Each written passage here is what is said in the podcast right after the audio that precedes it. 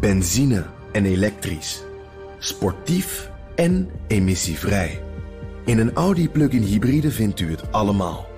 Ervaar de A6, Q5, Q7 en Q8 standaard met quattro vierwielaandrijving. Wat u ook zoekt, u vindt het in een Audi. Audi. Voorsprong door techniek.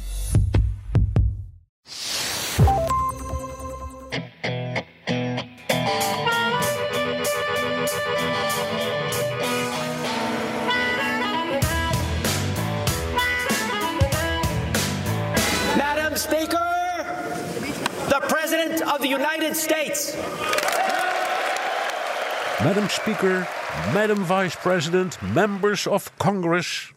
Ja, zo klinkt dat ongeveer. Zo'n State of the Union speech als de president begint. 100 dagen zit Joe Biden in het Witte Huis. Wat zo'n State of the Union is, dat gaan we bespreken in deze 74ste aflevering alweer van de Amerika-podcast. Mijn naam is Bernard Hammelburg vanuit Amsterdam met een cup of Joe. Ja, lekker. Kopje koffie erbij. Ik ben Jan Posma vanuit Washington DC, waar de state of the coffee strong en heet is, Bernard. Uh, ja, hoe, hoe, is het uh, bij jou daar? Hoe was het afgelopen week? Um, nou ja, in, in, Nederland gaat het natuurlijk allemaal over het Nederlandse schandaal in de, onder de Haagse kaastop. Dat, dat, ja. dat neemt enorme proporties aan. En wat mij zelf het meeste opviel in Nederland, Nederlandse nieuws is een, een bericht dat vind ik te veel weggedrukt. Er zijn nu 5 miljoen uh, prikken gezet. Mm -hmm. Maar van 3 miljoen eigen, weten ze eigenlijk niet precies aan wie. Ja. En dan denk ik in, in een land dat zo pretentieus is op het, op het gebied van organisatie, sterker nog, dat steeds maar zei: ja, nee jongens, het moet eerst echt goed georganiseerd zijn en dan starten we pas. Wees nou niet zo ongeduldig. En dan dat. Dus ja. ja. Nou, dan kijk ik, dat, dat zijn voor mij wel uh, even de puntjes hoor. Tenminste, Ongelooflijk, ja. Nederlandse nieuws. En bij jou? Ja, nou, daarover trouwens. Ik heb een familielid van mij die ook. Uh, daar is één prik niet zo goed opgeschreven. En die is nu dus bezig al een tijdje om dat uh, administratief zeg maar goed te krijgen. En dan denk je ook inderdaad in Nederland, het land waar we alles zo goed voor elkaar hebben. Hoe kan dat nou niet goed geregeld zijn? Hoe kan je nou niet weten wie geprikt is en wie niet? Dat, uh, dat, dat weten ze zelf, zelfs hier in Amerika, geloof ik nog. En ja. ja, over die prikken gesproken trouwens. Ik ben een beetje aan het bijkomen eigenlijk. Want. Ja, het was vorige week heel druk met Derek Chauvin, hè, Chauvin hè, die, die, uh, die rechtszaak rond George Floyd. Ik was toen in Minneapolis en ik, ik had net daarvoor mijn tweede prik gehad. En die arts zei nog, je moet een beetje rustig aandoen daarna. Maar ik had al een heel vol schema natuurlijk, stond al helemaal vol gepland. En de volgende ochtend zou ik al, ging de wekker om vijf uur om het vliegtuig te pakken. Dus ik voel daar nu de hele week al een beetje de naweeën van. Het, het gaat verder prima hoor. En ik zou zeker ook die prik gewoon nog steeds nemen. Dit is echt geen reden om niet te nemen. Maar ik voel echt een beetje. Ik had die dag erna eventjes wat rustiger aan moeten doen. Oké, ja. Nou, ja, ik, ik, ik, ik, zou zeggen, ik uh, zie met verlangen uit naar het moment waarop ik het even rustiger aan moet doen vanwege de tweede prik, Jan. Ja, luxe probleem, hè? Dat luxe weet ik probleem. ook hoor. Ja. ja. Hey, en uh, 100 dagen. Vast eikpunt natuurlijk, hè, voor elke president. Maar, maar ook een beetje zo'n willekeurig moment uh, om na 100 dagen te kijken hoe het gaat. Laten we daar eens mee beginnen, Bernard, voordat we het over de State of the Union en Joe Biden's 100 dagen hebben. Hoe is dat zo gekomen? Dat die 100 dagen zo'n eikpunt zijn geworden? Nou, dat, dat is eigenlijk um, gekomen door Franklin Roosevelt, die, die voor het eerst um, de jaarlijkse uh, verantwoording voor het congres zo noemde. Uh, en dat is ook niet zo gek, want er staat in, ik meen, het tweede artikel van de grondwet.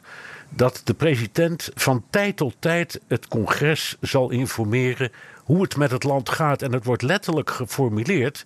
Um, he shall from time to time give the Congress information of the state of the union. Dus het staat zo in de grondwet. Dus het is ook helemaal niet zo gek om die term dan te gebruiken. Maar daarvoor deden uh, presidenten het op andere manieren. Die hielden dan een toespraak, maar die heette niet zo. Of die stuurden vaak uh, een, ja, een soort rapport, een nota naar het congres. Waarin ze hun overpeinzingen gaven van hoe het eigenlijk met het land gaat. En het verschilt een beetje van een, wat wij een, de troonrede noemen. In, in bijvoorbeeld Nederland of het Verenigd Koninkrijk. Want dat is uh, een opeensomming van de plannen die een regering heeft voor het komend politiek seizoen. Um, en in Amerika is het echt meer een, ja, een persoonlijke visie van de president over hoe het met het land gaat. Wat hij belangrijk vindt. Uh, de successen natuurlijk die hij heeft geboekt. De problemen die hij ziet. Um, en het is, een, het, is een, het is een politieke speech. Het is niet een, laten we zeggen, een planmakerij. Het is echt een, een politieke speech. Je kunt het niet anders zien. Ja, en dat gaat Biden ja, dus ook doen. Ja. Ja, ja, ja, ik vroeg je eigenlijk naar de 100 dagen. Maar, ja, die 100 dagen. Ja, dat, dat, dat, dat, FDR deed die State of the Union, zoals hij hem noemde, na 100 dagen. En dat benoemde hij ook. Dus hij zei: Ja, ik zit er nou 100 dagen, dus laat ik nou eens even kijken hoe het tot nu toe marcheert. Uh, dat had ook eerder gekund of later gekund. En daarna is die 100 dagen een soort toetssteen geworden of een criterium. En tussen jou en mij, ik snap het nooit precies, want wat doet het ertoe? Kan ook na drie maanden of na een half jaar of na een jaar. Nee, 100 dagen. En dat gaan we allemaal belangrijk vinden, ook jij en ik, want we zitten er in deze podcast heel uitvoerig over te praten. Maar eigenlijk is het gewoon maar een slag in de lucht. Ja, ja. Het is, is het dan een beetje marketing geweest van FDR? Dat hij uh, heeft 100 dagen, dat bekt wel lekker. Uh, laten we het gewoon zo doen. En uh, uh, dan kan ik lekker een beetje opscheppen na 100 dagen. Was dat ja, nou, nou ja, er waren, het was een vreselijke tijd. Hè? Dus het, het was in, in de, de afloop van de grote crisis die hij onderdrukte. Dus hij zat er nog maar net zo midden de jaren 30. En hij was, net als Biden, daar zit wel een aardige vergelijking in. Um, van plan om hele rigoureuze ingrepen te doen in de economie. Hmm. Um, hij, hij had het plan toen al om met een garantiesysteem te komen voor bankrekeningen, wat niet mhm. bestond tot die tijd. Hij had plannen om de AOW in te voeren. En dat waren echt, nou ja, wat je noemt, majeure beslissingen waarvan hij wist dat hij enorme tegenstand zou gaan, gaan ontmoeten in het congres en misschien ook wel in de samenleving. En hij had ook dat idee bedacht van die fireside chats, weet je wel. Dan ging, hij, ging hij naast de open haard zitten met de benen over elkaar. En dan keek hij als een vriendelijke huisvader of een aardige opa het volk aan in de camera. En dan vertelde hij zo'n beetje ehm, hoe hij het leven zag en hoe het daar in Washington ging. Dat bleek allemaal doorgestoken kaart, want het Witte Huis heeft geen open haard. Het was dus gewoon, het was, het was een decorstuk. Ja. ja dat er neer was gezet. Mooi. Ja, voor je de fireside chats. Maar hij was in, je zegt, was het PR? Ja, dat was PR. En hij was daar ontzettend goed in, FDR. Ja, want, want daar zit voor mijn gevoel ook wel een, een uh, de, de, vergelijking met Biden. Uh, de, de Biden-regering maakt hier ook echt een heel groot moment van. Uh, die 100 dagen is gekoppeld aan de vaccinatiedoelen. Hè? Nou, die vaccinatiedoelen die zijn ruim gehaald en ruim op tijd. Ik geloof wel na 88 of 85 dagen. maar ook door de State of the Union rond die 100ste dag te plannen. Dus zij hebben er echt een, een evenement van gemaakt. Door al die dingen aan elkaar vast te plakken. maar goed, ze hebben misschien ook wel wat om over op te scheppen op dit moment wat is volgens jou, eh, ook in een soort tijd van crisis waarin we nu zitten met corona, wat is dan die grootste prestatie van Biden in die eerste honderd dagen? Nou, zonder enige twijfel de aanpak van corona. Daar mhm. verdient hij gewoon een pluim voor. Um, en hij heeft het ook wel heel handig gedaan, want hij zei van tevoren al: um, dat wordt mijn belangrijkste prioriteit. En je, je, moet, je moet eerst zorgen dat de mensen zo snel mogelijk weer aan de economie kunnen deelnemen. En dan kun je die economie goed opstarten. Dat was een logische redenering, blijkt ook te kloppen. Um, en hij heeft, een enorm, ja, heeft dat gewoon fantastisch aangepakt. En hij heeft het heel, ook heel slim gedaan. Want ja, hij beloofde eerst 100 vaccinaties. Um, en toen bleek dat dat plan er al was, want dat had Trump ook ja, beloofd. Die zei ook 100 miljoen. Dat, ja. dat, was al werk in uitvoering, zo gezegd. Ja. En toen zei hij, nou weet je wat, dan maak ik er 200 miljoen van. En, en nou ja, daarna kwamen ze op een punt, eigenlijk nu, waarbij ze tegen de derde wereld roepen: jongens, wie heeft nog vaccins nodig? Want we hebben, we hebben voorraad over. Dus het is een magistrale prestatie. Um, en ik, ik vind ook, dat mag je ook rustig zeggen, dat het daarmee samen, de hulppakket, was ook heel goed, goed gewerkt. Um, als je alleen al even kijkt naar de werk, gelegenheidscijfers. Hè. Er zijn nu, geloof ik, in maart ehm, een miljoen banen bijgekomen. Uh, dat is echt heel veel. De maand daarvoor was het nog een kwart daarvan. En dat heeft natuurlijk te maken met dat uh, hulppakket. Dus uh, mensen hebben wat geld waarmee ze aankopen kunnen doen. En daardoor begint de industrie weer overeind te komen. Maar er, zijn ook heel veel, er is ook heel veel hulp gegeven in de zin van uh, banenhulp of aanvullingen of mm. noem het allemaal maar op. Bedrijven hebben een patiënten gekregen. Dus het was wel een magistraal bedrag. Uh, 1900 miljard dollar. Maar ja, dat was net zo duur als de oorlog in Afghanistan, Jan. Dus alles is, alles is maar betrekkelijk. Toch? Ja, dat is ook zo. Dat is ook zo. Nou ja, het is wel wat jij zegt, dat uh, een beetje een optimistisch gevoel naar aanleiding van de vaccins en, en uh, wat voor gevolgen dat voor de economie heeft, positieve gevolgen. Um, hier in Washington bijvoorbeeld zie ik nu berichtjes voorbij komen dat de horeca, die is weer op zoek naar personeel. Die zoeken echt weer mensen. En dat is echt, nou ja, dat, dat hebben we lang niet meer gehoord. Uh, en, en, je merkt het gewoon op straat. Mensen zijn optimistisch. We hebben, uh, als wij elkaar spreken, is, is net naar buiten gekomen dat het Amerikaanse, het CDC, het Amerikaanse RIVM, dat die zegt, nou, als je volledig gevaccineerd bent, dan mag je ook zonder mondkapje de straat op. Nou, dat is iets wat natuurlijk met gejuich wordt ontvangen. Ook hele delen van Amerika waar ze dat al op die manier doen en waar het ze sowieso niet zoveel kan schelen. Maar hier in Washington loopt iedereen echt nog met een mondkapje op straat. En ik denk dat dat hier echt wel, dat heeft echt impact als dat straatbeeld gaat veranderen en mensen dus het gevoel hebben van het gaat weer de goede kant op. En uh, wat je ook noemt, dat dat uh, ja, onder, uh, hoe zeg je dat op zijn Nederlands? Dat je onderbelooft, underpromising. Ja, ja, ja, ja, ja. ja.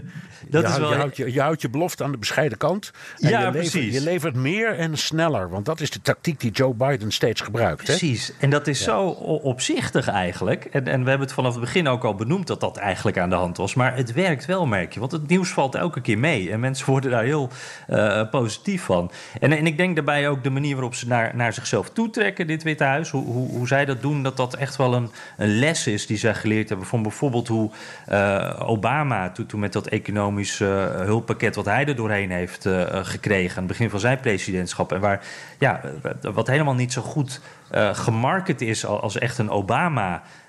hulpplan toen. En dat doet Biden nu wel heel goed. Het is heel duidelijk aan hem gekoppeld. Dus ja. ja het was ook. Het was, het was ook er zijn, zijn een paar dingen. Even, even iets wat jij zei over die, die, het personeel voor de horeca. Dat komt natuurlijk omdat Amerika een ander systeem heeft dan bijvoorbeeld Nederland. Dus mensen worden daar onmiddellijk ontslagen. Dat is ook gebeurd. Mm -hmm. ja. En, en, en als, het, als er dan weer werk komt, dan, dan, dan kunnen ze weer een baan krijgen. En in Nederland is ervoor gekozen om in feite via overheidsingrijpen, dus belastinggeld, al die mensen door te betalen. Dus in heel veel restaurants zie je personeel dat er gewoon nog is en nu weer langzaam aan het werk kan als de terrassen open gaan. Dus een andere filosofie um, en een andere manier van aanpak. En in Nederland is de werkloosheid ook, ik geloof maar 3,6 procent of zoiets. Dus dat valt, dat valt er wel mee. En wat Obama betreft, waar die, waar die wat, wat marketing betreft echt heeft geblunderd, was helemaal op het einde van zijn presidentschap. Toen hij al die moeite heeft gedaan om uh, de auto-industrie op gang te krijgen. En Amerika uit het slop te trekken van die uh, grote crisis. die op dat moment eigenlijk nog hmm. plaatsvond. En daar, en daar is Trump ingesprongen, als het ware. Hè? Ja, ja, ja, en dat is dus. De, ze hebben wat van, van uh, de, ja, Obama geleerd, maar ook zeker wat van Trump. Want dat is natuurlijk uh, de, de, hoofdmarketeer. En uh, dat hebben ze denk ik wel goed opgepakt hoor. Ze hebben wel ja. goed gekeken naar hoe Trump dat steeds heeft gedaan. eigenlijk ook schaamteloos opscheppen. En dat, dat doet Biden uh, Witte Huis nu, nu eigenlijk ook. Ik denk, ja. denk, daarbij ook steeds een beetje, en dat is ook mede ingegeven door wat ik dan van rechts hoor, van, van de, de Trump-stemmers. Um, in hoeverre, denk jij Bernard, is dit ook nog steeds een beetje Trumps succes? Dat, dat, dat die vaccins er nu zijn bijvoorbeeld? Ik, ik denk dat, dat, dat je... Uh, um, wij zeggen, you have to give credit where credit is due. Natuurlijk, de eerste... Hij is ongelukkig gestart, Trump, om, vanwege omdat hij het eerst allemaal wilde ontkennen. En je weet nog, vorig jaar al in, in, in februari riep dat met Pasen was het dan wel over. Ja.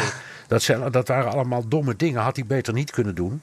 Maar toen hij eenmaal doorkreeg hoe erg het was, en toen hij het zelf had gehad en met een, een beetje op het randje van de afgrond heeft gestaan, toen is volgens mij toch het licht wel aangegaan. En, en die, ehm, nou ja, al die ingrepen door mee te investeren in de ontwikkeling van een vaccin. Wat, hè, dat is een van de trucs die Trump heeft toegepast. Het toepassen van die wet waarbij eh, de levering in eerste instantie naar Amerikanen moest. Ja. Eh, dat heeft hij schoorvoetend gedaan, want hij vond het eigenlijk. eh, vond hij dat in strijd met liberale opvattingen, maar hij heeft het toch gedaan. Dus de, dus de aanloop nam Trump. En, en eh, het was een soort estafette. En voor mij heeft Biden het stokje alleen maar overgepakt. En is, heeft de sprint voortgezet. Maar die sprint die liep al.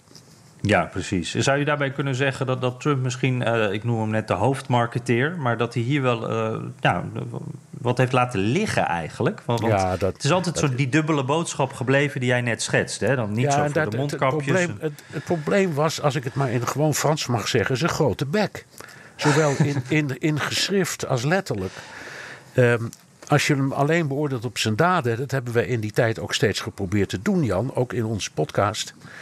Ja, dat, daar zaten soms heel verstandige dingen bij. En dat, dat beleid was echt best oké, ook op dit gebied uiteindelijk. Maar dan kwam hij weer met de een of andere idiote opmerking. Of er ging staan schelden op de, op de artsen of op de wetenschap. Terwijl iedereen riep: jongen, hou je nou ja, een beetje aan die wetenschap. Want die hebben er echt verstand van en jij niet. Nee, ik heb er meer verstand van dan alle wetenschappers bij elkaar. Van dat soort teksten. Dat helpt niet. Dus hij heeft het zichzelf, naar mijn idee, nodeloos mo- eh, moeilijk gemaakt. En sterker nog, ik denk dat eh, terugkijkend op eh, de, de verkiezingen die hij eigenlijk heeft gewonnen, Jan, wist je dat al? ja, in Arizona zijn ze geloof ik weer aan het tellen. Hè? Dus, Ja, eh, daar zijn ze weer aan het... Maar, maar, Maar ja. ik denk dat hij een veel grotere kans had gehad... als hij zijn toon had gewijzigd op het juiste moment... en die successen naar zich toe had getrokken. Heeft hij niet gedaan. Nee, precies. En jij, zegt- jij zegt trouwens, eh, eh, de, de, de sprint was al ingezet, Biden heeft hem voortgezet. Ik heb zelf wel het gevoel, het is lastig in te schatten... omdat we niet precies weten wat er klaar stond toen Biden eh, binnenkwam. Maar ik heb wel het gevoel dat Biden meer structuur heeft aangebracht... verder is gaan kijken dan alleen warp speed en, en de, de maken, het maken van het vaccin. Dat, hij veel Ja. meer, dat hij veel meer een leidende rol heeft gepakt voor, voor de overheid. En, en, en dat hij ook dus meer structuur heeft aangebracht in die, dat hele proces. Ja. Dus dat er Nou, misschien wel een soort eindsprint Ja, boven de... Is ook zo. Kijk, hij heeft, hij heeft ehm, het, het, vind ik het probleem opgelost dat nu eenmaal in Amerika altijd bestaat door het systeem. De federale overheid kan wel iets willen, maar kan niet alles uitvoeren. Dat moeten de staten doen. En Trump had gezegd, nou ja, oké, hier, eh, hier heb je wat je nodig hebt. Zoek het maar uit aan de staten. En Biden heeft gezegd, ja jongens, zo werkt het niet. Ik ga me ook met die staten wat meer bemoeien. Maar niet door over hun schouders te kijken, maar door ze aan te moedigen. En duidelijk te maken dat ik de vaccins misschien makkelijker kan leveren dan wanneer ze het zelf moeten regelen. Dus hij heeft ze aangemoedigd en dat hielp. Dus je kreeg meer eenheid in het land. En daardoor is het succes ook algemener geworden. Eh, ook in de staten die het allemaal maar niks vonden. Uiteindelijk zijn die meegesleurd in dat gevoel van laten we dat dan maar doen. Want dan zijn we van het gedoe af. Daar, was, daar is Biden heel, heel goed in, vind ik. Ja, ja, ja, ja. Wat hij ook beloofd had. oh, ja, hey Jan, we hebben het nou over zijn, nou, dat mag ik nog wel een keer zeggen, zijn mega succes. Eh, met het, het vaccin. Want eh, Amerika heeft volgens mij nog steeds de meeste doden in de westerse wereld. Maar inmiddels ook de meeste prikken in de westerse wereld. Dus hij heeft het echt wel rechtgetrokken. Eh, maar wat vond jij nou de grootste mislukking in die eerste honderd dagen? Nou, wa- wat ik echt, wat mij verbaasd heeft en mij eigenlijk nog steeds verbaast, is eh, de situatie aan de grens. Ehm, de, de, de migranten die via de, de, de muur, over de muur of over de Rio Grande eh, het land binnenkomen. Eh, iets wat natuurlijk heel groot wordt gemaakt ook door Fox News bijvoorbeeld, door de rechtse media. Eh, die maken het nog groter dan het is. Maar dat is echt iets waarvan je mijlenver zag aankomen dat het weer ging gebeuren. Het is natuurlijk een, een soort seizoensgebonden iets. Dat elk jaar in het voorjaar neemt dat aantal weer toe. Eh, je weet ook als, als Biden dat jij eh, minder harde taal uh, gebruikt dan, dan Trump. Je weet ook dat je beloofd hebt dat die muur niet verder gebouwd zal worden. Dus je weet dat daar een reactie op kan komen.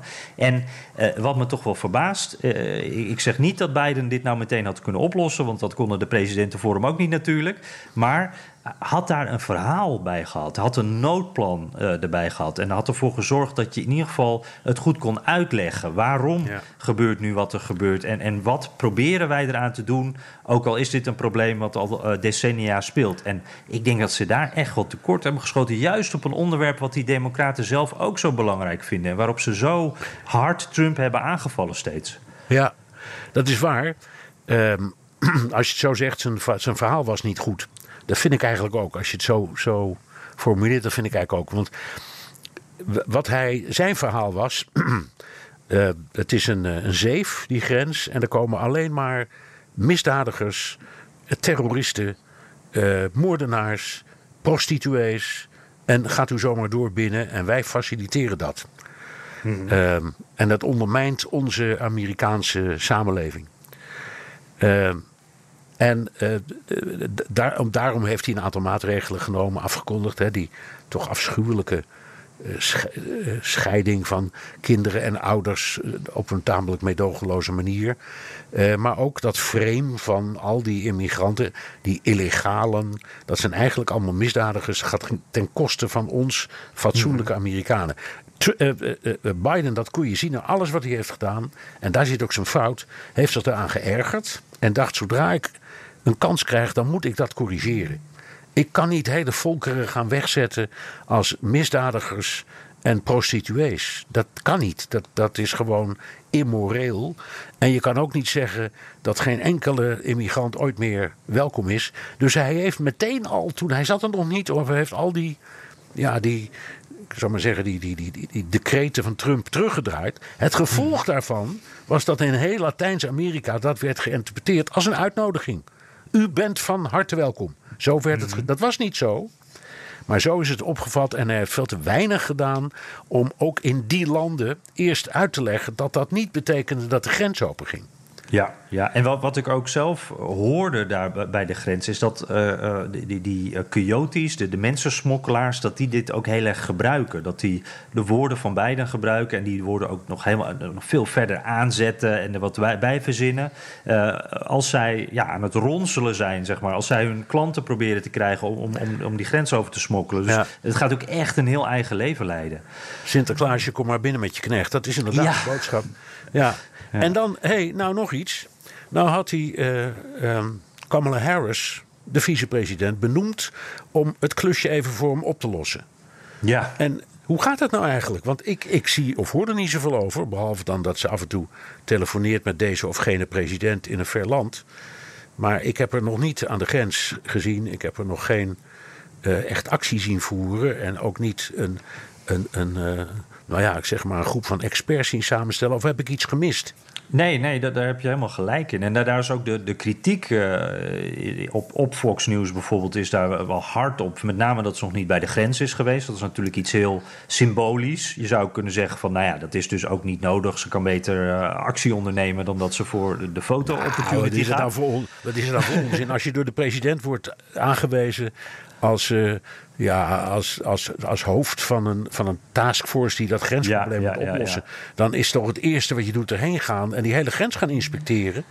Met camera's erbij. Om, om te zeggen, ik, ben, ik ga het hele probleem in, in, kaart brengen.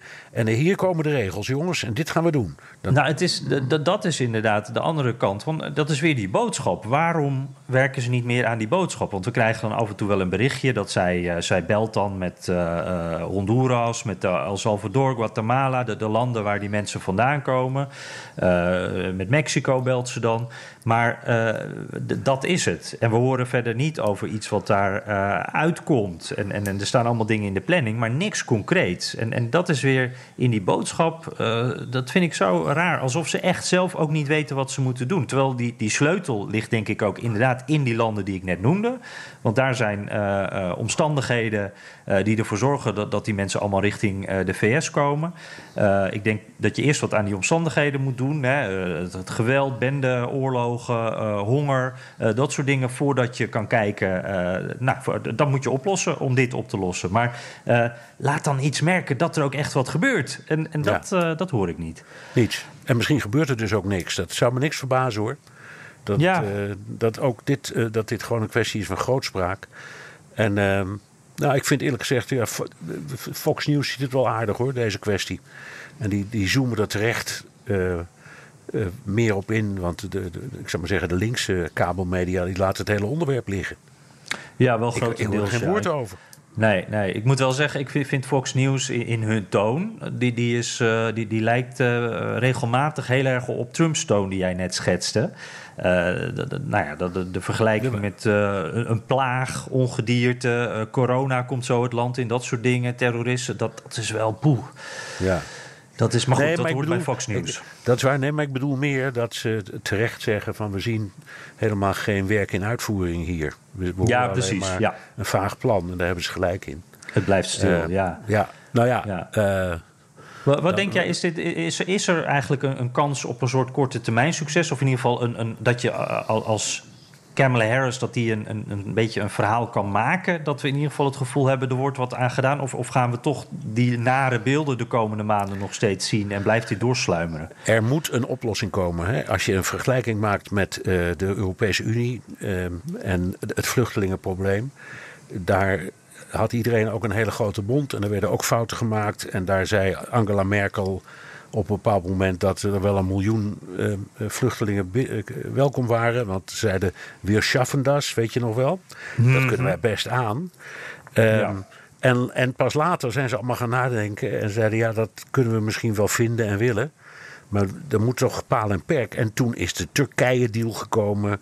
En de afspraken met Griekenland. En, en zo langzaam maar hand. Dat is ook niet ideaal hoor. Maar het is beter dan niks. Dat zoiets moeten ze in Amerika ook doen. Ja, dus Wat, ze moet, wat ze moeten doen is zorgen dat er veel betere en fatsoenlijker opvang is voor de grens. Dus aan de Mexicaanse kant. Um, om te kijken wat je met die mensen kunt en om ze uit te leggen hoe het, hoe het, in elkaar zit. En als je dan asiel wil aanvragen, dat dit de procedure is en geen andere. Anders word je weer uitgedonderd of kom je in de gevangenis. Dus er zijn heel veel dingen die ze gewoon praktisch kunnen doen en die ze niet doen. Hm. Ja. Eh, ben je trouwens wel uh, ermee eens dat, dat dit de grootste mislukking of de grootste teleurstelling is van beiden? Of zie jij nog iets anders waarvan je zegt. Uh, nou, voor de rest ook een tegenvaller. Voor de rest kijk, kijk ik met spanning. Ik vind hem op het gebied van de buitenlandse politiek. Um, vind ik hem behoorlijk hard. En eigenlijk zet hij gewoon het Trump-beleid voor op alle belangrijke punten. Uh, dat, dat vind ik echt wel. Dat, dat, ja, dat, dat, vind ik, dat had ik niet eh, verwacht dat hij dat zou doen. Maar bijvoorbeeld uh, uh, in de kwestie van Turkije. Hè, nu net die, die, die, kwestie die speelt over de Armeense genocide. Mhm. Hij noemt Vladimir Poetin een moordenaar. Um, hij heeft niets veranderd aan de sancties tegen Iran. Hij, hij praat wel dat hij, hij heeft het er wel over dat hij die gesprekken wil voortzetten. Maar daar heeft hij niets aan veranderd. Hij heeft eigenlijk niets veranderd aan de China-politiek. Uh, hij zet heel hard en veel duidelijker in op Taiwan. Nog meer dan, vind ik, dan Trump al deed. Uh, hij gaat behoorlijk te keer over de Oeigoeren, de kwestie in Hongkong. Uh, dus ik, ik zie eigenlijk een, een voortzetting van het beleid van Trump. En soms nog wel een, een, eh, een toontje harder en duidelijker. Dus hm. dat is, ja, ik weet niet waar het allemaal toe gaat leiden. Maar uh, in zo'n situatie als met Turkije. Hij heeft van de week pas voor het eerst met Erdogan gebeld. Ja. Ja. ja. Om hem overigens mee te delen dat hij de Armeense kwestie vanaf dat moment de Armeense genocide zou gaan noemen. Meteen goed nieuws voor Erdogan. Meteen, meteen goed nieuws. Weet, in, Nederland, in Nederland is het officieel nog de Armeense kwestie. Of, mhm. wat ik een hele mooie vind, de kwestie van de Armeense genocide. Ja, dat is dus het Nederlandse regeringsstand. Maar hij is dus op buitenlandgebied is hij behoorlijk hard. En ik kan niet precies uh, voorspellen wat dat allemaal, waar het allemaal toe leidt. Maar zijn standpunten zijn behoorlijk hard. Dat had ik eigenlijk niet gedacht. Ik had nog het gevoel dat bijvoorbeeld Iran, dat daar wel een andere richting aan zit te komen. Dat daar uiteindelijk een ander doel is om uh, toch weer die, die, uh, die nucleaire deal actief te krijgen, wat voor vorm dan ook. Maar jij zegt eigenlijk, dit verschilt nog niet zoveel op dit moment van Trump.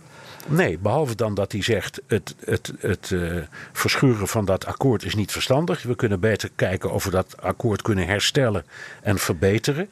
Maar ondertussen gebeurt er nog niks. Uh, en zeker niks concreets. En bovendien, Iran stapelt de ene stommiteit op de andere. Het feit dat Iran nou heel hard brult. Wij gaan uranium verrijken tot 60 procent. Ja, dat, waar heb je dat? Als je, als je alleen maar kerncentrales wil bouwen en isotopen voor de uh, medische industrie, waar heb je dan in vredesnaam 60% verrijkt uranium voor nodig? Dus die schieten zichzelf op het ogenblik in eigen voet. En zolang dat gebeurt, is, is, is uh, uh, gaat Biden niet van standpunt veranderen. Maar het voornemen om te zeggen: wij willen in principe daar toch pratend uit zien te komen, dat vind ik op zichzelf heel verstandig. Ja, ja. En, en, als we een beetje zo uh, vooruitkijken, uh, want uh, dit waren dan de eerste honderd dagen. Dat is voor veel presidenten ook een beetje zo'n zo'n honeymoon fase, hè? dat ze nog dat van alles gegund wordt. Uh, als ik nou kijk naar de, de 100 dagen die er nu aan zitten te komen, dan heb ik het gevoel dat het een stuk lastiger gaat worden. Um, bijvoorbeeld uh, coronabestrijding, hè, dat is nu helemaal geen discussiepunt. Dat is nu heel duidelijk, dat is de prioriteit, dat moeten we eerst regelen. Maar ik zie wel voor me dat als dat straks wat meer onder controle is, dat dan ook het gevecht begint over wat nou het andere belangrijkste onderwerp wordt. Wat wordt nou na corona het onderwerp waar, waar we ons als eerste op moeten gaan richten? En tegelijkertijd, als corona niet onder controle is, dan is dat denk ik ook slecht nieuws voor beiden. Want dan hebben zijn, uh, zijn beloftes zijn dan niet uitgekomen. En dan heeft hij alles wat hij heeft gezegd, is dan eigenlijk, uh, ja, uh, kunnen we dat nog wel vertrouwen? En zie je nou wel, het gaat gewoon weer mis. Dus ik denk in beide gevallen gaat hij het best wel lastig krijgen eigenlijk. Ja. Hoe, hoe zie jij ja. dat? Nou ja ik, ik, ben een optimist, dus ik denk dat de hele wereld op het ogenblik bezig is om die coronacrisis langzaam maar zeker onder controle te krijgen. En er zijn een paar landen, waaronder Amerika, die doen het beter dan andere landen, zoals Nederland.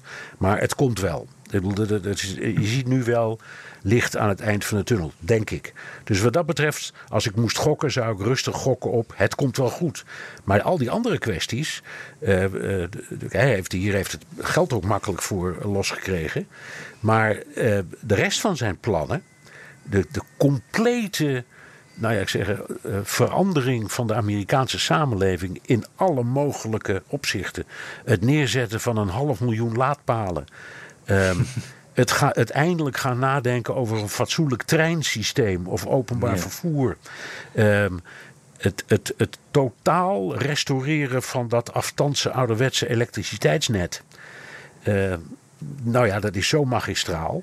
En dat valt bij hem dan allemaal onder wat ze noemen infrastructuur. En de Republikeinen zeggen: nee, nee, nee, vriend. Als we het over infrastructuur hebben, dan hebben we het over de federale wegen en bruggen. En als je daarover wil praten, dan krijg je onze handtekening. En op alle andere punten gaan ze dwars liggen. Dus dat wordt een enorme loopgravenoorlog, Jan. Ja, ja, dat denk ik ook. Dat, uh, en ik vind het ook grappig om te zien hoe Biden dat dan het American Jobs Plan noemt. Uh, en, en, dat doet hij eigenlijk, dat is altijd zijn verkoopargument. Hè? Of het nou over uh, uh, groene energie gaat, of over hier de infrastructuur in de breedste zin van het woord. altijd ligt die nadruk op banen. Dit gaat banen opleveren. En dat is ja. wel een, een, slimme manier. Maar wat is 200 miljard, geloof ik? 2000, of wat was het nou? Ja, het is in ieder geval een gigantisch bedrag. ja, dat gaat niet. Die, die, Republikeinen hebben er helemaal geen zin in, natuurlijk. En, en daar is ook dat uh, dat, dat gevoel wat, wat, wat ik net probeerde uit te leggen van corona, dat is echt een hele, duidelijk focus, een hele duidelijke focus. Iedereen is er wel over eens, dat moeten we eerst overwinnen voordat we verder kunnen. Maar als dat straks wegvalt, ja, dat, dan ligt alles weer open en vinden allerlei mensen verschillende dingen weer belangrijk. En ik denk dat dat ook voor dit American Jobs Plan valt. Uh, ja, ja, nou ja, uh, niemand is tegen banen, hè? Uh, nee, nee, daarom is dat ook zo slim.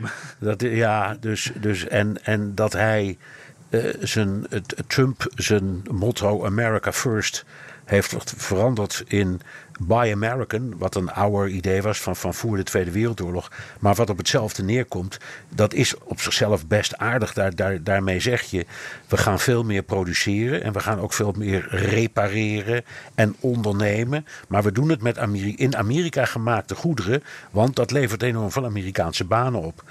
Um, ik denk eerlijk gezegd dat hij op dat punt in elk geval moreel en principieel de Republikeinen nog wel een eind mee kan krijgen hoor. Maar zodra je met van die radicale dingen komt, van heel Amerika op elektrische auto's, of het afschaffen van de fossiele energie. Nou, nou, nou. Ik zou zeggen. Ik ga, ga maar vast weer in die kelder zitten waar je destijds uit bent gekomen. Want dat, dat gaat hem niet worden hoor. Nee, nee, dat moet wel heel veel banen opleveren. Ja. Willen ze daar enthousiast voor worden? Ja, en, en, hoe, en hoe betaal je het? Hè? Want eh, die, die 2000 miljard, ja, dat, eh, die Republikeinen die zitten nu wel weer... eh, die kijken van waar moet het vandaan komen? En zo'n belastingverhoging hebben zij helemaal geen zin in natuurlijk. Nee, belastingverhoging hebben ze geen zin in. Verhoging van de staatsschuld vinden ze prima, want dat doet iedere pre- president. Dus daar kunnen ze makkelijk mee leven. Maar, maar een, een deel vindt dat niet zo leuk als er een democraat president is. Nee, precies. Nee, dat is het, dat is het spel. Dus dat, dat hele plan, van, dat inderdaad alle plannen bij elkaar opgeteld is 2000 miljard. Dat krijgt hij er gewoon niet door. Ik zie het niet gebeuren. Eh, En je ziet ook zelf al dat hij bereid is om het in stukjes op te delen. Ehm, en ik, ik zie hem gewoon zeggen: Oké jongens, laten we dan eerst even die wegen en die bruggen doen. Want daar zijn we het over eens. Klaar. En dan kom ik daarna wel weer met het volgende plukje. En dan kunnen we dan over discussiëren. En dan luister ik opnieuw naar jullie. Als hij het zo aanpakt, dan heb je kans dat hij bij de volgende verkiezingen niet meedogenloos wordt afgestraft hè, in, over twee jaar. Ehm, als hij dat wel doet en als hij zegt: Ja, ik ben waarschijnlijk populair genoeg om dit erdoor te kunnen drukken. Ja, dan, dan dat is totale oorlog verklaren aan het congres. En, Ja. en jij zei in de vorige podcast al, kijk ook uit voor de Democraten. Want er was toen al één dissident. Die eigenlijk wel met de Republikeinen meegingen in de Senaat. Nou, dan, is, dan, Ja. dan valt het helemaal zo door het ijs. Ja, ja, ja, ja. en dat kan eh Biden gewoon niet hebben hè, met zijn Ja. eh, minimale meerderheid. Ehm, ja, we, we moeten ook eens even door naar de State of the Union. Nog, nog één dingetje.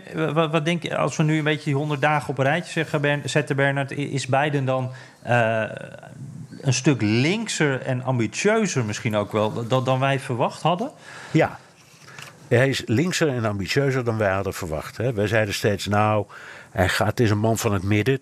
Dus hij gaat eh, uit al die stromingen binnen zijn eigen partij en binnen de samenleving een soort middenkoers varen. Maar op het gebied van ehm, arbeidsbeleid, hij heeft nu net ook besloten om dat minimumloon voor federale werknemers, weliswaar, want daar gaat hij over, gewoon te verhogen naar 15 dollar. Dat is ook net nieuw. Ja, ja, Het komt zo van de headlines. Ja, dat is een controversieel ding. En daarmee laat hij inderdaad zien dat hij wel degelijk, nou, wat veel men, waar veel mensen voor hebben gewaarschuwd, of juist hoopten, laten we dat eerlijk zeggen. Hij Ja. luistert behoorlijk naar de linkervleugel van de partij. Ehm, en dat maakt het voor ons ook spannend en leuk om te kijken. Want ja, wat krijg je daarvan voor elkaar? En, en eh, kijk, hij maakt natuurlijk ook gebruik van het feit dat hij in de peilingen er redelijk goed voor staat. Zeker als het om corona gaat, veel minder als het om andere dingen gaat. Maar wat is het? Iets van 52% ehm, approval rating, hè? of 53%. Ja, het is Dat heel is grappig. het is de- precies ja. het, eh, sorry, het tegenovergestelde van wat Trump had eigenlijk. Want hij heeft, eh, eh, ik geloof gemiddeld nu, even kijken, 54% approve en bijna 41% disapprove. En bij Trump was het ongeveer andersom. Dus, ja, maar, maar als je naar de presidenten daarvoor kijkt, naar Bush en Obama, die stonden er na 100 dagen aanmerkelijk beter voor dan ja, deze man. Ja, ja. Dus, Ja. dus, het- dus, eh, en dat maakt het voor hem ook ontzettend ingewikkeld om ja, beslissingen te nemen over welke kant ga ik nou op. Zet ik door in het congres of moet ik uitkijken? Want hij weet dat een populariteitspercentage van 54%, ja, daar win je niet alles mee. Hè? Nee, nee. Nou, Jan, we gaan een heleboel horen en vernemen, mag ik aannemen, in eh, de State of the Union. Eh, officieel heet hij dit jaar niet zo, hè? Nee, eh, precies. Maar we goed. noemen het voor, voor omdat Wij- het toch zo noemen- makkelijk is, hoe noemen we maar even zo. Ja. Ja, ja. Eh, dan, dan spreekt hij de, de verzamelde, eh, het verzamelde Huis van Afgevaarden en Senaat toe. Gaat dat eigenlijk gewoon zo als normaal, die hele menigte op elkaar gepakt in die ene ruimte? Of doen ze het anders? Nee, hoewel ze in het congres toch grotendeels al ruim gevaccineerd zijn, gaan ze dat inderdaad anders doen dan anders. Er zijn veel minder gasten. En ik begreep ook dat bij de Democraten bijvoorbeeld er wordt gelood over wie erbij mag zijn en wie iemand mag meenemen en wie niet. En als je iemand mee mag nemen, is het maximaal één gast. Dus dat is echt niet dat, die volgepakte zaal zoals we dat kennen van andere jaren. En ook, ja, ook, ook, wat, wat minder show, denk ik. Want ja, de ik zat hier van vorig jaar nog even terug te kijken. weet je vast ook nog, Nancy Pelosi die de toespraak verscheurde van Trump. De, gelijk aan het begin ook al wilde ze hem een hand geven. En Trump die keek net even de andere kant op. En, en, die medaille, die, die prijs die Rush Limbo kreeg, hè, die conservatieve uh, talkshow-host, ook echt een, een made-for-TV moment. ik denk dat we nu, dit is weer zo'n moment dat we gaan merken dat Joe Biden een beetje saai is ook, denk je niet? Ja, ja was wel leuk toen, al die, inderdaad met die verscheurde toespraak. En alle vrouwen, alle democratische vrouwen waren in het wit, hè? Ja, vanwege de, de, de, de suffragettes moet je dan zeggen. Ja, ja, de, de, suffragettes, ja, het vrouwenkiesrecht. En dat, uh, dat vond ik ook was hartstikke leuk. En, ja. Maar ik, eerlijk gezegd vond ik een, een, een buitengewoon uh, onbeschofte handeling hoor, om de toespraak van het staatshoofd te verscheuren. Waar de hele wereld naar kijkt, had ik even niet gedaan. Maar oké, okay, nee, ik, ik, ik, ik, heet geen Nancy Pelosi.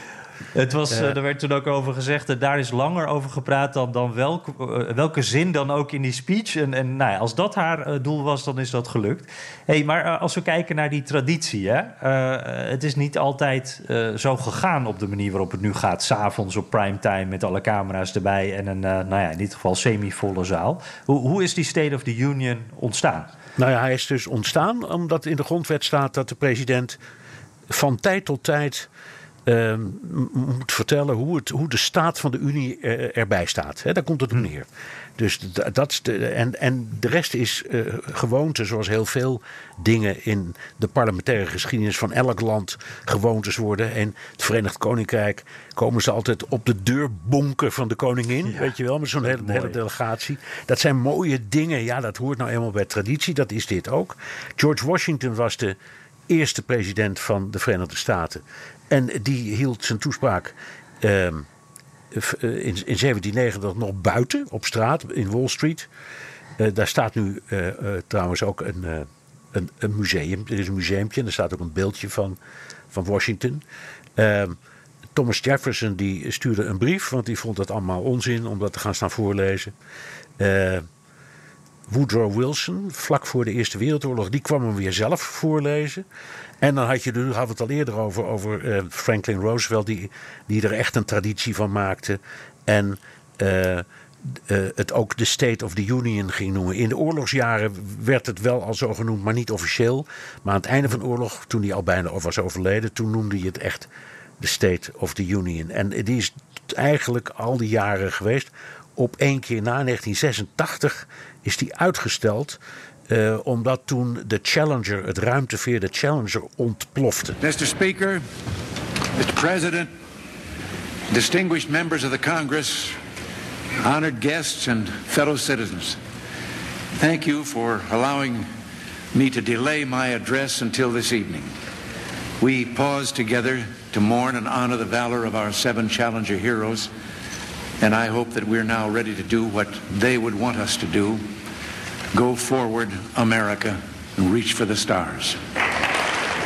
Ja, wou ik nog één dingetje van zeggen, Jan. Want ik had toen, ik geloof voor de krant, voor het Algemeen Dagblad, waar ik toen voor werkte, net voor die lancering Judy Resnick uh, geïnterviewd. Die als vrouw meeging op die vlucht. Oh, ja. Was dat uh, die lerares? Nee. Nee, die was er ook. Dan ben ik er, die heette. Oh, dat was een ander, ja. McCullough heette die.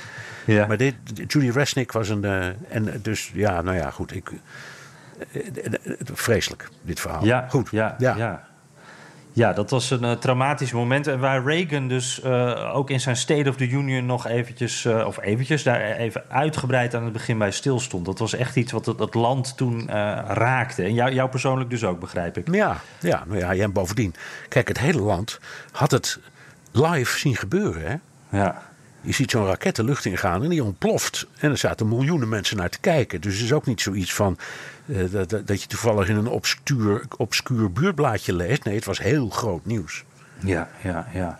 En, en nou ja, Reagan gebruikte dat moment dus ook om, om het land, ja, als, als een moment waarop het land uh, met z'n allen dit, dit, dit, kon verwerken. Uh, de, ja, de, deze speech, ik moet zeggen, ik heb altijd wat moeite mee van wat nou precies het gevoel, de toon, wat de bedoeling is hiervan. Want we kunnen het vergelijken met de troonrede, uh, maar dat, dat klopt voor mijn gevoel ook niet helemaal. Het voelt ook wel een beetje als een soort pep rally. Een moment waarop het hele land weer eventjes mag juichen en klappen of zo.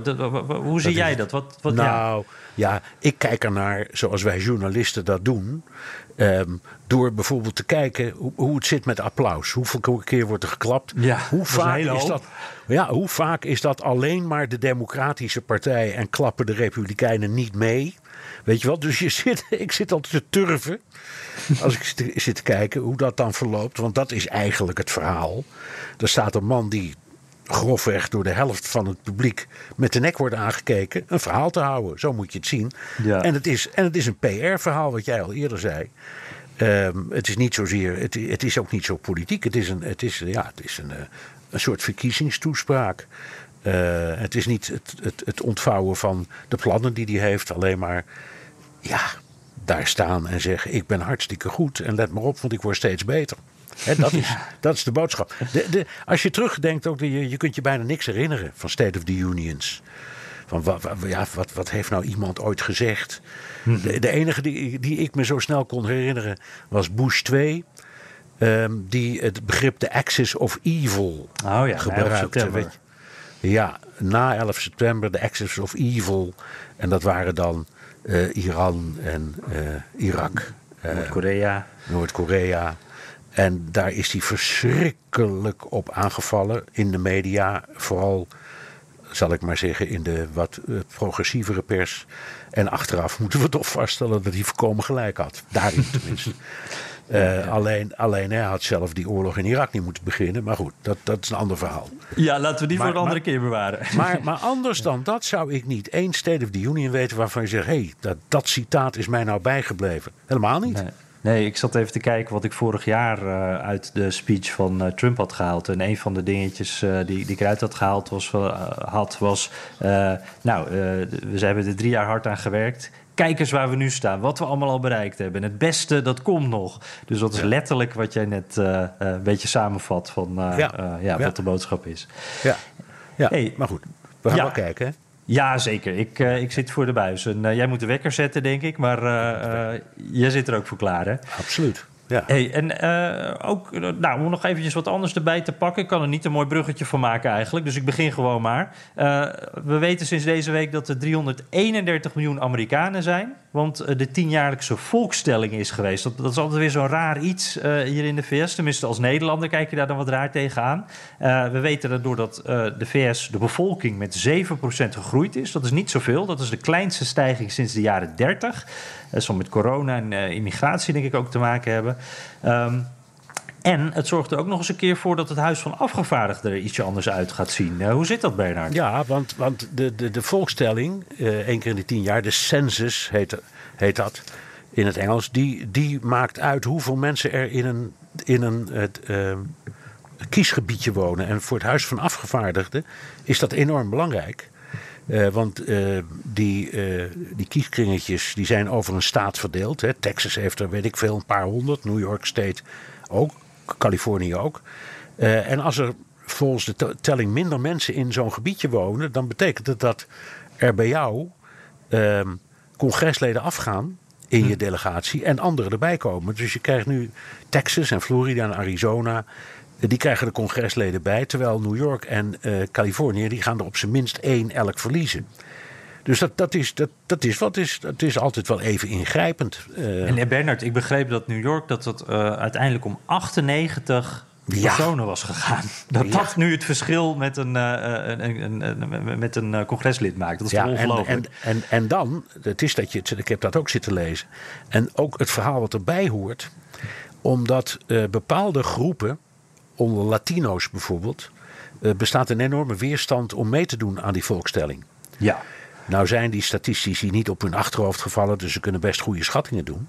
Maar die mensen hebben allerlei redenen. Of omdat ze illegaal zijn, of omdat ze de, de overheid wantrouwen, of omdat ze het idee dat, dat, dat hun naam misschien ergens wordt gebruikt, wat niet zo is hoor, met een volkstelling.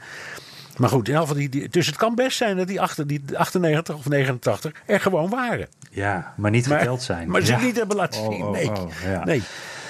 Nou ja, maar goed, het is dus inderdaad zo dat eh, New York krijgt, eh, die- die gaat er nu eentje eh, kwijtraken.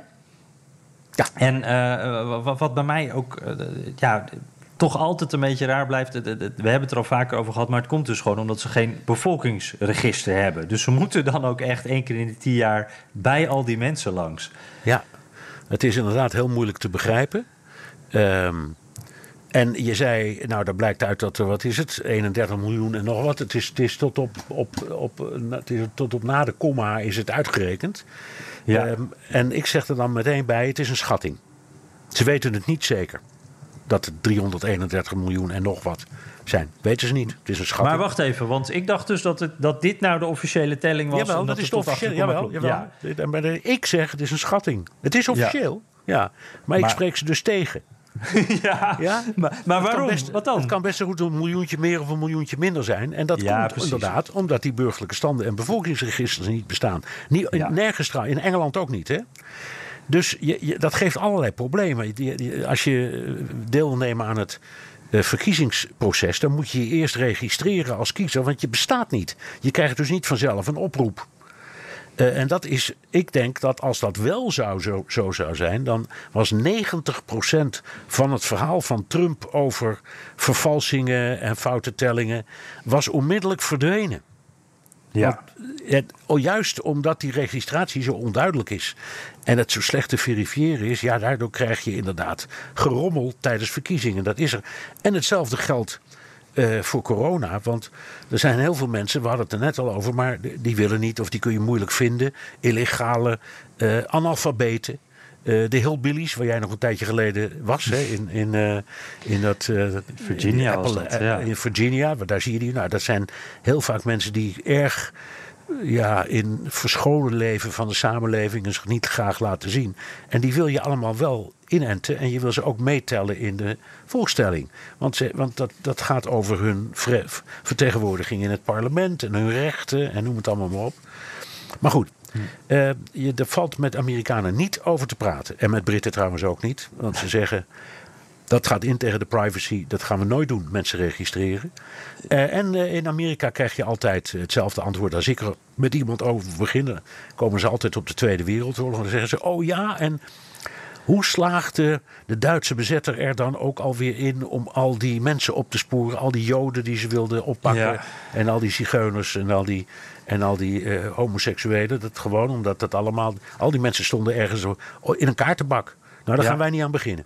Nee, nee. Maar ja, nu hebben we digitale kaartenbak eh, zoals Facebook, denk ik dan altijd maar. Maar goed, eh, het, het zit diep inderdaad. En ik heb ook meteen nog een luisteraarsvraag hierover van Jurgen Thomas. Die zegt, met alles waar we het net over gehad hebben... is het dan niet makkelijker om in Amerika de belasting te ontduiken? Hoe weet de IRS elke individuele Amerikaan te vinden? Ja, nou, er zijn, Ja. de- het eerste antwoord is dat kunnen ze niet. En net als in Nederland bijvoorbeeld, en in de meeste democratische landen, heeft de burger aangifteplicht. Dus op het moment dat je eh, geen belastingaangifte doet, ben je in overtreding. De kans dat je tegen een lamp loopt is in Amerika misschien wat kleiner. Maar het, het, eh, de plicht rust op de belastingbetaler en niet op de dienst. Eh, en een tweede deel van het antwoord is. ehm, wat heel veel, bij heel veel belastingcontroles gebeurt, is dat ze je vinden in een betaling aan iets of iemand. Dus je hebt een, een, een, een overmaking gedaan, of zoals het Amerika gaat, een cheque uitgeschreven aan, weet ik veel, eh, de schoenwinkel, eh, of de supermarkt, of, eh, of een be- bedrijf of iemand anders. En die krijgt controle. En dan zien ze plotseling een cheque van Jan Postma. En dan denken Ja. ze, wie is dat? Die gaan we ook eens even napluizen. Dus er zit altijd een kans dat je op die manier tegen land, lo- land loopt. Maar het is een goede vraag. Er zijn heel veel mensen die komen jarenlang weg met gewoon eh, zich, eh, zich niet laten zien. Ja, ja, ja. Ja. en juist als je inderdaad in zo'n af- afgelegen ge- eh, gelegen gebied woont en niks met de overheid te maken hebt, dan, dan, dan zou dat volgens mij gewoon tot je dood kunnen. Je moet alleen Tot eh, Ja, nooit eens een keer uh, in het ziekenhuis terechtkomen of met de politie in aanreiking en al die dingen. Je moet je wel uh, echt stilhouden. Dan, ja, maar dat dan de Belastingdienst daarachter komt is nog steeds klein hoor. Hm. Als jij, uh, als jij met een, bloedende hand bij de eerste hulp komt, weet ik niet of ze meteen de Belastingdienst bellen.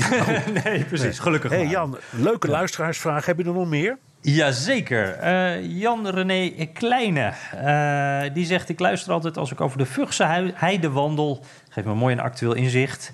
Uh, zelf ben ik benieuwd welke rol Kamala Harris nu speelt. Nu het lijkt dat Joe Biden een one-term president zal zijn. Als hij het haalt, uiteraard. Want hij komt, nogal wat, uh, komt nog altijd wat fragiel over, naar mijn mening. Krijgt ze nu meer verantwoordelijkheden dan haar voorgangers? Pakt ze andere dossiers op? Welke rol speelt ze richting het congres en de Senaat? Nou, we hadden het net al even over immigratie. Dat is een, een hoofdpijndossier wat ze heeft gekregen.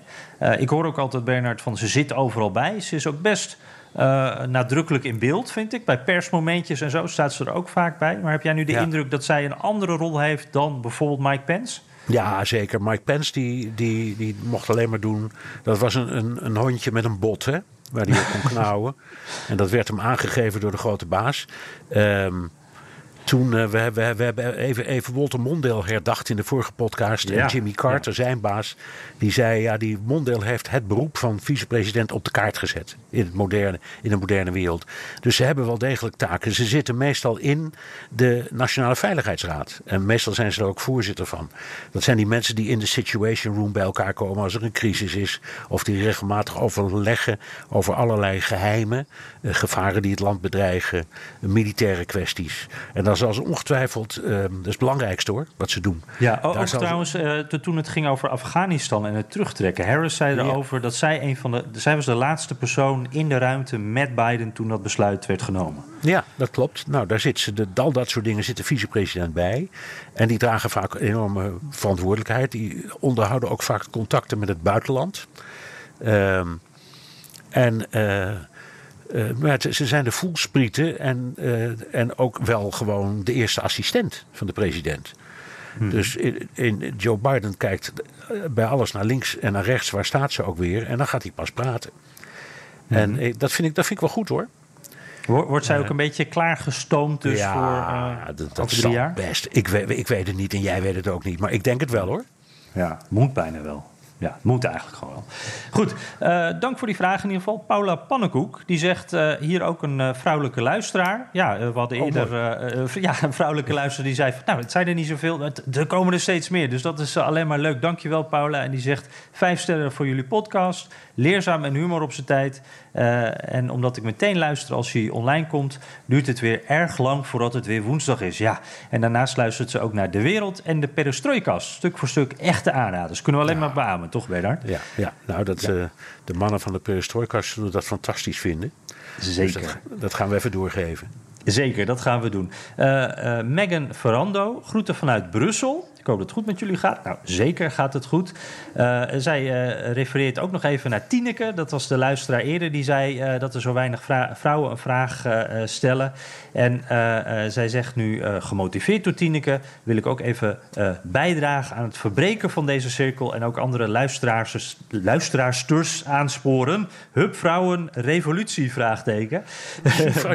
Hebben wij ja, hier daar aan zijn het ze, ja, in het wit gekleed. Ja. ja. ze heeft ook een vraag. We hebben vaak gehoord dat de VS niet meer zo geïnteresseerd uh, zijn in Europa. Hun aandacht gaat nu al een aantal jaren echt steeds meer uit naar Azië en de Pacific. Maar aan de andere kant is Biden ook geïnteresseerd in het verdedigen en weer laten opleven van multilaterisme en democratie en het inzetten op klimaat. Thema's waar juist Europa een sterke bondgenoot kan zijn. Kunnen deze buitenlandprioriteiten van Biden ervoor zorgen dat Europa en de VS toch enigszins naar elkaar toe zullen groeien? Of denken jullie dat de VS liever hun eigen weg inslaan op deze thema's? Um, ik denk het eerste. Ik denk dat Europa is sowieso erg opgelucht. Dat hoor je overal, maar ook geschrokken. Dus de Europeanen zeggen ja, wat, wat heerlijk dat Biden gewoon weer van ons is. De Amerikaanse president, zo hoort het. Die is van ons en voor ons en is de leider van de vrije wereld. Die, die positie, die rol neemt hij weer helemaal op zich.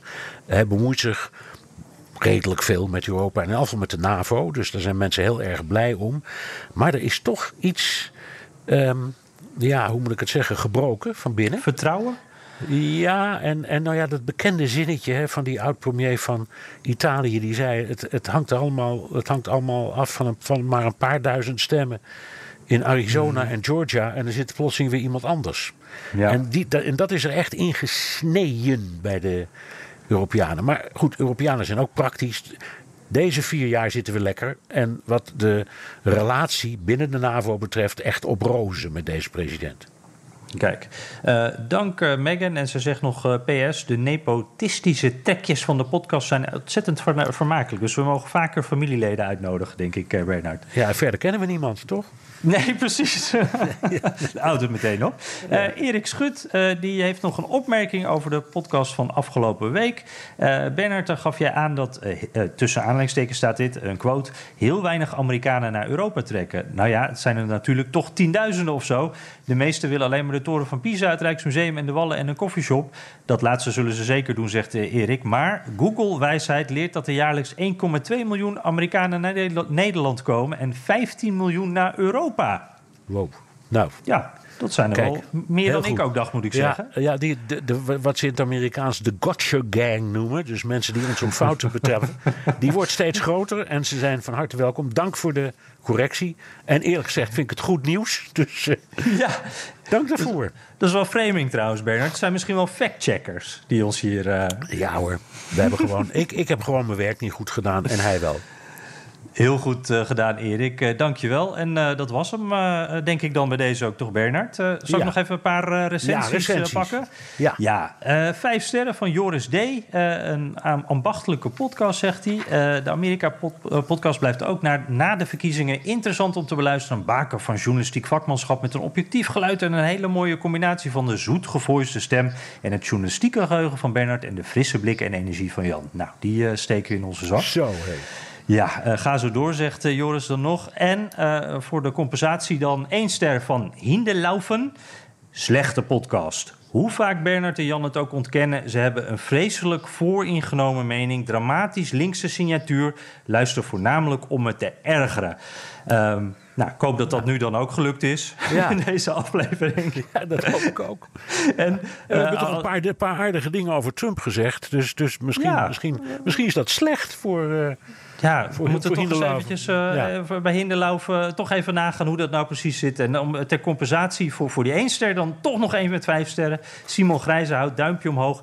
Erg fijne podcast, ideaal om op de hoogte te blijven. Maar ik schrijf deze recensie eigenlijk alleen maar zodat jullie het kunnen voorlezen. Dus En bij deze doen- Simon. Dat doen we met plezier. Terugluisteren kan via de BNR-site, Apple Podcasts of Spotify. Heb je vragen, opmerkingen, kritiek of complimenten? Dat kan ook met een tweet naar Jan Posma USA of BNR De Wereld. Of heel ouderwets met een mailtje naar dewereld.bnr.nl. Ja, en dan zijn wij er volgende week gewoon weer. Tot volgende week.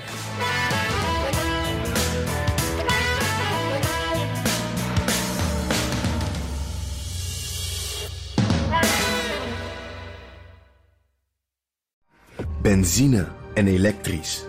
Sportief en emissievrij. In een Audi plug-in hybride vindt u het allemaal.